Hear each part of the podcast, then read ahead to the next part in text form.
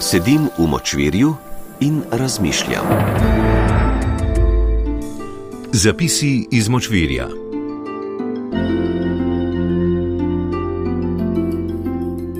V tednu, ko smo izvedeli, da neznani leteči predmeti definitivno obstajajo, smo frustrirani, ker jim nad Slovenijo ne moremo slediti in namesto tega bomo sledili najnovejšim podvigom slovenske zunanje politike. Zgodba je prav zanimiva, rodila pa se je na avstrijskem oziroma na avstrijskem koroškem. Podmladek koroške veje svobodnjaške stranke je na spletu objavil pamflet, v katerem voljivce poziva naj med prihajajočimi volitvami z oblasti odstranijo socialdemokrate, ker ti dopuščajo slovenizacijo dežele. Reakcija je bila hipna in ostra. Na slovenskem zunanjem ministrstvu so v predaljih poiskali priročnik z diplomatskimi ukrepi in na pogovor poklicali avstrijsko veleposlanico in rajtamo, da so ji zažugali in sploh. Celo naša zunanja ministrica se je oglasila, potem se je oglasila še avstrijska vlada, oglasila se je slovenska manjšina oziroma njeni predstavniki, vsi pa so bili ogorčeni. Skoraj bi nastal diplomatski škandal, toliko diplomatskega vojaštva se je znašlo na planem, a na srečo so bili vsi dovolj spravljivi, da nam ni treba s sosednjo Avstrijo v vojno.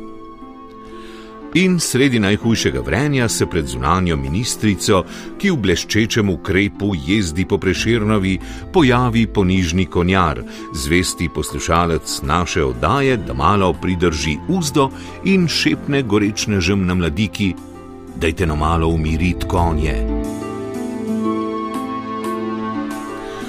Že grožnja sama je komična. Nezamisljivega niso zapisali državni avstrijski svobodnjaki, ki so še za življenje rajnkega Jrga z veseljem pometali in opletali z manjšino. Ne, napisala jo je Koroška veja, ki je sicer med svobodnjaki zelo cenjena in verjamemo tudi množična, ampak vseeno ne gre za Dunajsko centralo. Sploh pa je niso zapisali izkušeni barkati rjavosrajčniki, skale, na katerih je koroški Heimatdienst postavil svojo nazadnjaško crkv, temveč jo je zapisal podmladek stranke, se pravi koroška veja in njen podmladek. Naslepo ugibamo, ampak kdo bi lahko sestavljal podmladek koroške veje svobodnjaške stranke? Predvidevamo, da mulci polni mozoljev in adrenalina, ki težko navezujejo stike s puncami in so preštorasti za kakršenkoli šport. To je namreč model, ki je vodil njihove pradetke pri učlanjevanju v neke druge podmladke. Se pravi, ko je mozoljev in hormonov preveč, Facebook pa ne razume dovolj nemško ali pa ga ne briga, da bi jagal sovražni govor po koroških grapah, se zdi malo požugati slovencem dobra ideja. In je podmladek storil to, kar počnejo strankarski podmladki po vsem svetu.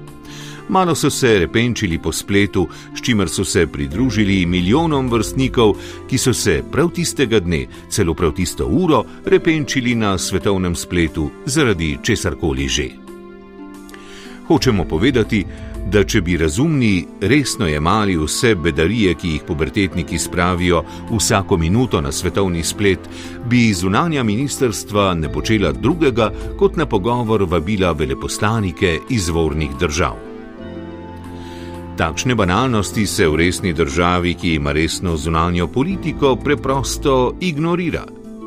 Še več, Ko je naš domači Janez pred dvema letoma doživel tisti akutni in danes že legendarni napad Twitterja, smo se pridušali, da se s pomočjo družbenih omrežij že ne da oziroma se ne bi smelo vladati ali voditi verodostojne politike na osnovi tam zapisanih objav. Zunanje ministrstvo pa je v primeru bloden avstrijskih najstnikov na Facebooku storilo prav to na diplomatski parket je zlilo golido internetne gnojnice.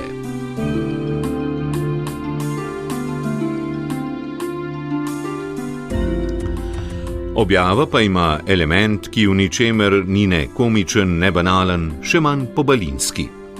Svobodnjaki, juniorji imajo namreč prav.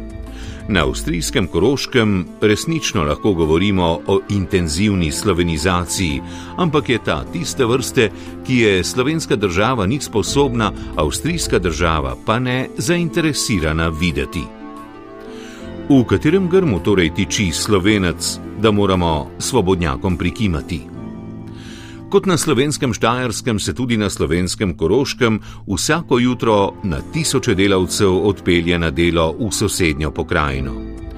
To sicer ni slovenizacija, kot si jo predstavljajo in o kateri govorijo mladi svobodnjaki, A če ne bi bilo te slovenizacije, bi na avstrijskem Koroškem zastal turizem, dobršen del industrije, celotna oskrba starejših in velika večina storitvenih dejavnosti, ki so danes odvisne od migrantske delovne sile.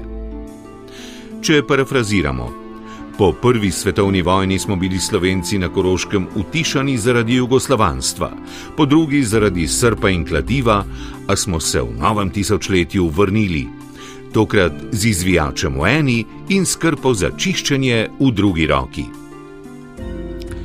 Prav zaradi tega je borbena drža zunanjega ministerstva zaradi naivne politične masturbacije tako bizarna ker to isto ministerstvo ne zmore urediti statusnih težav, ki imigranske delavce tarajo že desetletja, trenutna vlada, tako kot njene predhodnice, pa v deprivilegirano Koroško ne zmore pripeljati dovolj projektov, da bi delovna sila lahko ostala doma.